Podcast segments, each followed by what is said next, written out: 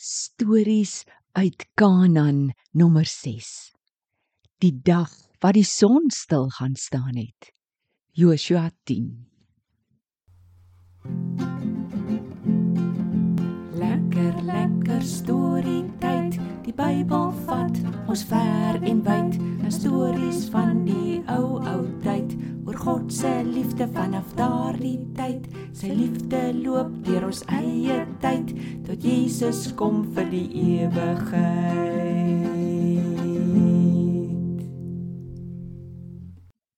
Hallo julle almal.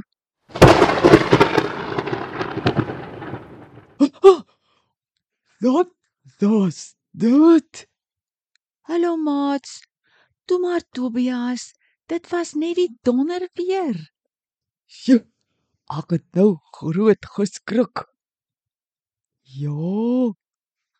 Kyk, dit reën nou sonder dus. Danny sal die donder weer en reën vir die Here luister. Ja, Tobias, verseker.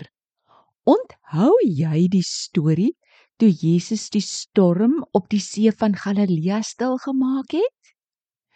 En ek het vandag nog 'n storie van hoe die natuur vir God geluister het. O, ek onthou die storie van die storm. Danny het nog een. Vertel asseblief. Die Here het vir Josua gesê om oorlog te maak teen die Kanaaniete. Jerigo en Ai is toe al oorwin. Die koning van Jerusalem en sy mense het dit gehoor en het baie bang geword. Toe hoor hulle ook nog dat die Gibeoniete op 'n skelm manier met Israel vrede gemaak het. Die koning het 'n boodskap na vier ander konings gestuur.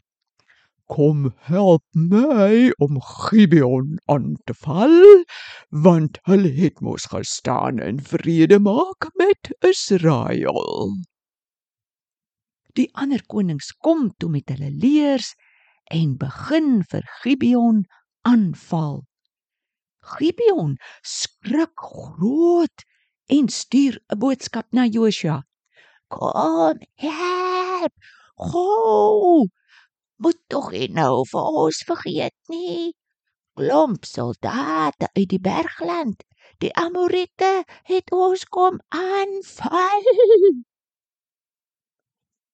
Wat doen Joshua toe?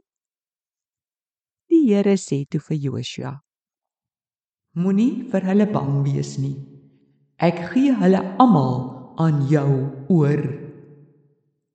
Joshua en die soldate trek toe deur die nag en verras die Amorite. Tobias, weet jy wat staan daar in die boek Joshua geskrywe? Die Here, die God van Israel, het die oorlog vir Israel gevoer. Maar hoe Tannie Karen? Daar was veral 3 baie interessante dinge wat God daai dag laat gebeur het. Die eerste ding was dat God gesorg het dat die Amorite bitter bang was vir die Israeliete. Regtig? En die tweede ding? Dis in die tweede en die derde ding waar ons sien hoe die natuur vir God luister. Nou nog tannie nee daai nuuskierig. Julle, die Israeliete het geveg teen die Amorite en sommige van hulle het begin weghardloop. Terwyl hulle so hardloop, het dit begin haal. Dit was sulke groot stukke haalstene wat uit die wolke geval het dat die haal meer van die Amorite doodgeval het as wat die Israeliete met hulle swaarde doodgemaak het. Sjoe. Ek kan dit ander nie glo nie. Tobias, as jy dink dit is moeilik om te glo, moet jy hoor wat gebeur toe nog. Wat dan nie?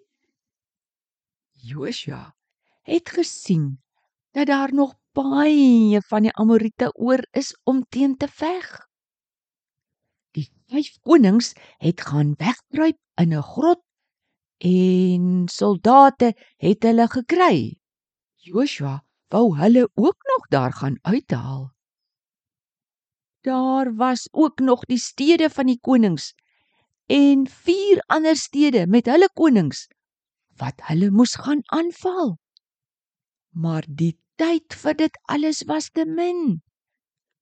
Joshua het gesien dis almiddag en so baie moet nog gedoen word. Toe vra hy 'n baie interessante ding vir die Here. Hy het gevra dat die son moet gaan stil staan. Wat? Maar dis eintlik nes die aarde dat dis gaan stil staan. Jy is reg. Die aarde moes gaan stil staan. Die Here het daardie dag vir die mens geluister. Nog nooit het daar weer so iets gebeur nie. Joshua het klipaard voor al die Israeliete gesê: Son staan stil in Gibeon en maan staan stil in Ayalon laagte. En julle sal my nou nie glo nie, maar daar bly hang die son in die middel van die lug op een plek. Die aarde draai nie soos gewoonlik nie. Vir omtrent 'n hele dag lyk dit toe of dit middag bly. Die Israeliete kon toe veg en sommer nog stede inneem. Hulle kon die konings uit die grot gaan haal en hulle is ook doodgemaak. Eers later het die aarde toe weer begin draai en die son het ondergegaan.